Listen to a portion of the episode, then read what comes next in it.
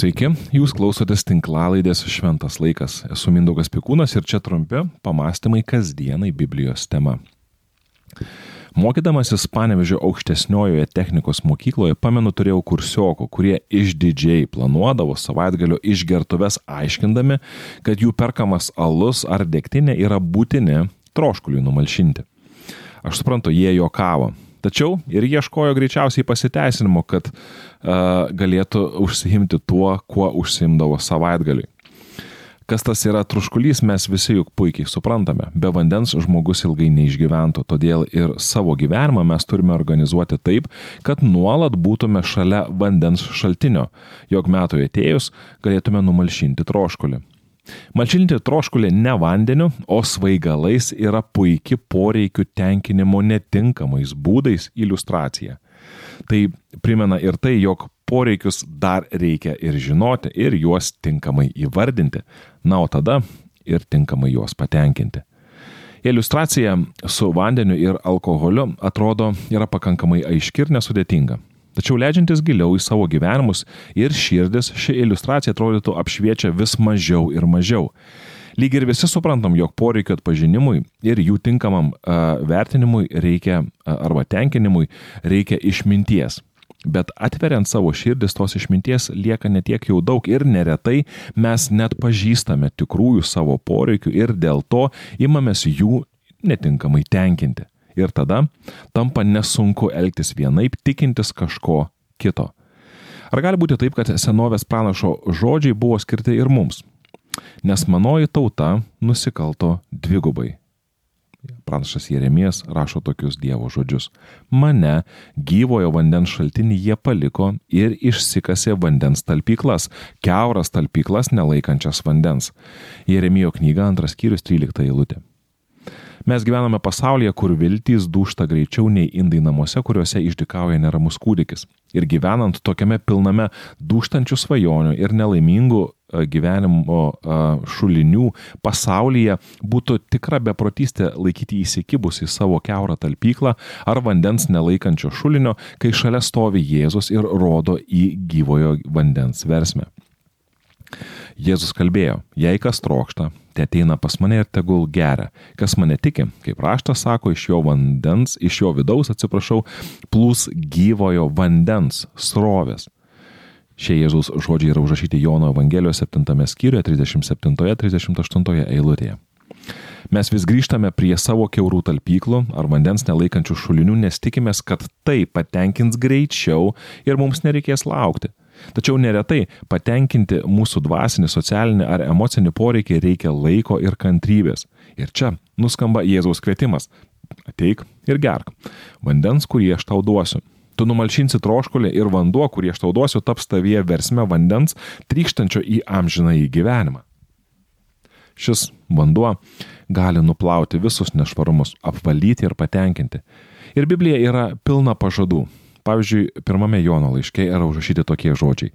Jeigu išpažinsite savo nuodėmės, jis ištikimas ir teisingas, kad atleistų mūsų, mums mūsų nuodėmės ir apvalytų mus nuo visų nedarybių. Pirmas Jono laiškas, pirmas skyrius, devinta eilutė. Izaijo knygoje rašoma, viešpats sako, eikit čia, esate paraudę nuo nuodėmių, aš jūs išbalinsiu kaip sniegą, nors jūsų nuodėmės ir yra raudonos, it kraujas, jos gali tapti baltos kaip Vilna. Pranašo Izaijo knyga, pirmas skyrius, 18 eilutė. Kur yra Dievas kaip tu, rašo pranašas Mikėjas, kuris atleidžia kaltę ir dovanoja nusižengimą savo paveldo likučiui. Jo pyktis netveria amžinai, nes jam malonu būti gailestingam. Jis vėl mūsų pasigailės, kojomis sutryps mūsų kaltes, įmes į gelmes visas mūsų nuodėmės. Panašo Mikėjo knyga 7 skyrius 18-19 eilutė. Biblija yra pilna pažadų apie atleidimą ir apvalymą. Vienintelė sąlyga - ateiti pas Jėzų ir priimti tai, ką jis siūlo.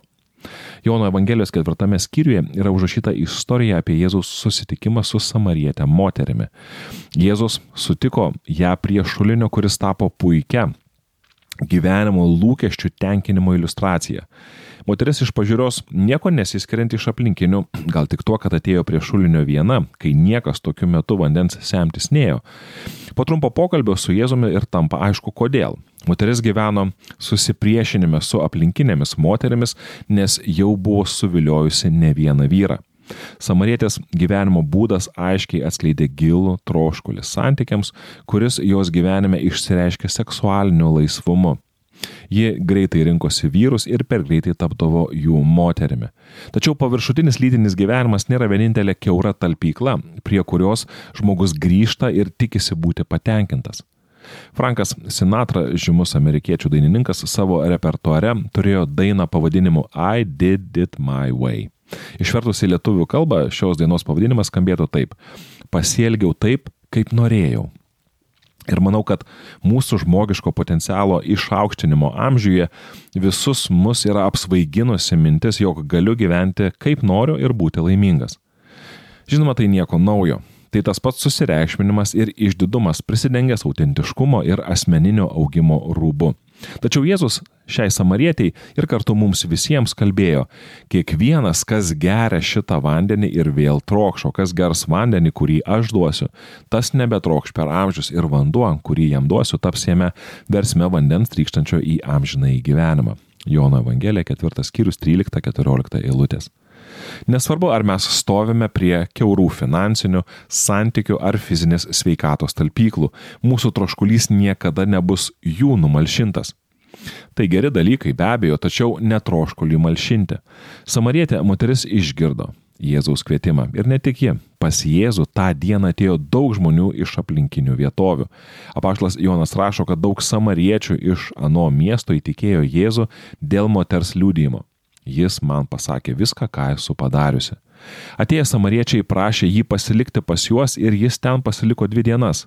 Dar daugiau žmonių įtikėjo dėl jo pamokslo, o moteriai jie pasakė, dabar mes tikime ne dėl tavo šnekos, mes patys išgirdome ir žinome, kad jis iš tiesų yra pasaulio išganytojas. Jono Evangelija 4 skyrius 39-42 eilutės. Štai ką reiškia ateiti pas Dievą ir gerti. Tai reiškia tiesiog patikėti, kad Jėzus yra ir tavo išganytojas arba gelbėtojas. Dievas žino, kad mes viską išbandėme. Kodėl neatsigręžus ir nepriemus pasiūlymo to nepažįstamojo, kuris siūlo numalšinti viso pasaulio troškulį. Ir ne tik viso pasaulio, jis pažada numalšinti mano troškulį ir tavo troškulį. Ta diena Samarijos gyventojai pripažino, kad Jėzus yra pasaulio išganytojas. Bet tikrasis klausimas yra, kas Jėzus yra man ir tau. Žymus praėjusio amžiaus vokiečių teologas Karlas Bartas kartą priejo išvados, jog tai, ką žmogus galvoja apie Jėzų, galiausiai lems ir tai, ką jis galvoja apie visą kitą. Manau, kad jis yra teisus. Taigi, ką jūs galvojate apie Jėzų? Ateikime pas Jėzų, patikėkime, kad Jis yra ir mūsų gelbėtojas. Atsigerkime pirmiausiai pas jį, kad mums nereikėtų iš keurų talpyklų ar vandens nelaikančių šulinių tikėtis to, ko jie negali mums duoti. Kad šių ir įvairesnių tinklalaidžių būtų sukurta daugiau, kviečiu paremti Šventas laikas veiklą per Contribui remimo platformą. Dėkoju tai jau padariusiems.